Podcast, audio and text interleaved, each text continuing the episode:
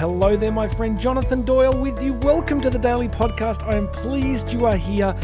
Are you anything like me in the sense that there are always things that you need to do that you don't want to do? Welcome to the human journey. You know, there are so many things, whether it's diet, exercise, relationships, work, study, career, difficult conversations. There are so many things that we know we need to be doing, and we constantly find ourselves avoiding, procrastinating, not doing. What do you do? When there's something you need to do, but you really don't want to do it. Today's episode, I want to talk to you about activation energy.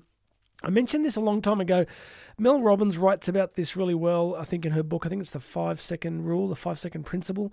Activation energy is a genuine psychological phenomena. It's been studied in depth. It's basically the best way to think about it is the idea of a snowball going down a hill, right?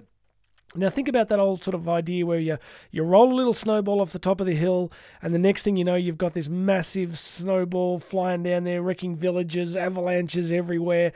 But all it actually took was the tiniest movement to get the thing underway. That's what we call activation energy.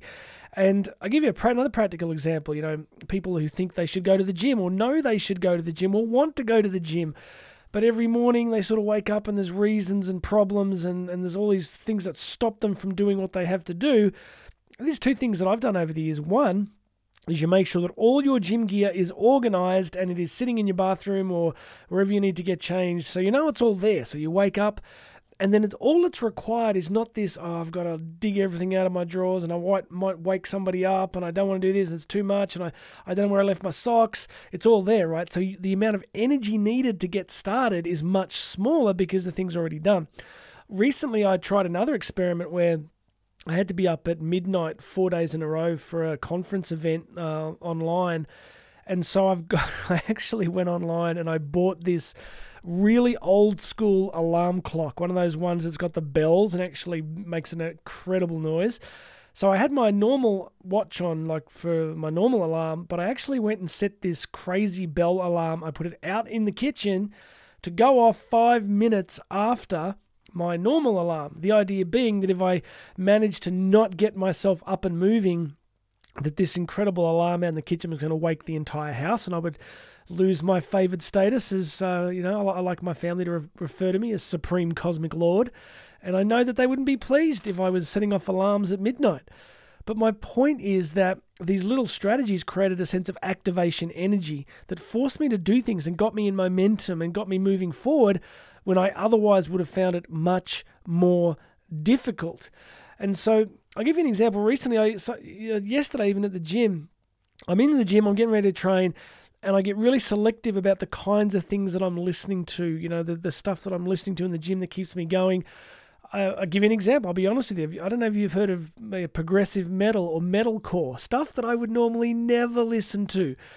But I put on this instrumental metalcore soundtrack in the gym with my noise cancelling headphones, and yesterday I'm benching, like doing, you know, re- repeat sets on some ridiculous weights because I'm jacked. I'm like, the energy was just there. So, what I'm getting at is I'm constantly finding small strategies to get me motivated, to get me moving. I have a whole list of online mentors, whether through Instagram or Facebook people who I really admire and respect and who I just think are amazing. So sometimes if I'm stuck, if I'm low energy, if I don't want to get moving, I'll just jump on there. I listen to these people for two or three seconds and I'm like, hell yeah, I just want to go and charge the cannons one more time. It's activation energy.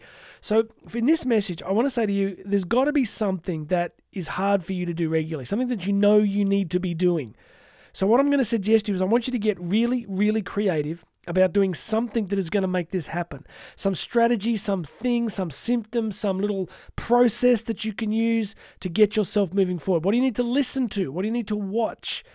You know, now, like, you know, as much as phones and stuff are, have got all their drawbacks, you can jump on your phone. I use, um, what did I join recently? I got a new app on my phone. I got it sitting here in the studio. I'll just, it's, uh, it's the Mindset app. I think I mentioned this before. It's just this endless you know, selection of incredible uh, sort of motivational speeches and input and people. I listen to that, I get jacked, I get moving again. So all of this comes back to a kind of a meta theory that I've really begun to take on board, which is Look, so much of the time, our brain is just trying to keep us safe, it's trying to keep us stable, it just wants us to do exactly what we did yesterday, it wants nothing to change, it doesn't want problems or difficulties or strain or stress. So we have to take control. We have to do specific things that cause it to change and to be different. So, my friend, what do you need to do? What strategy, what thing can you try today that will be different, that will get you doing what you don't currently want to do? I got mine you got to go find yours. All right, hit subscribe. Make sure you subscribe to the podcast. Go and check out all the links. There are a ton of links here. Book me to speak, book me for coaching. It's all there. My name's Jonathan Doyle. This has been the Daily Podcast. You and I are going to talk again tomorrow.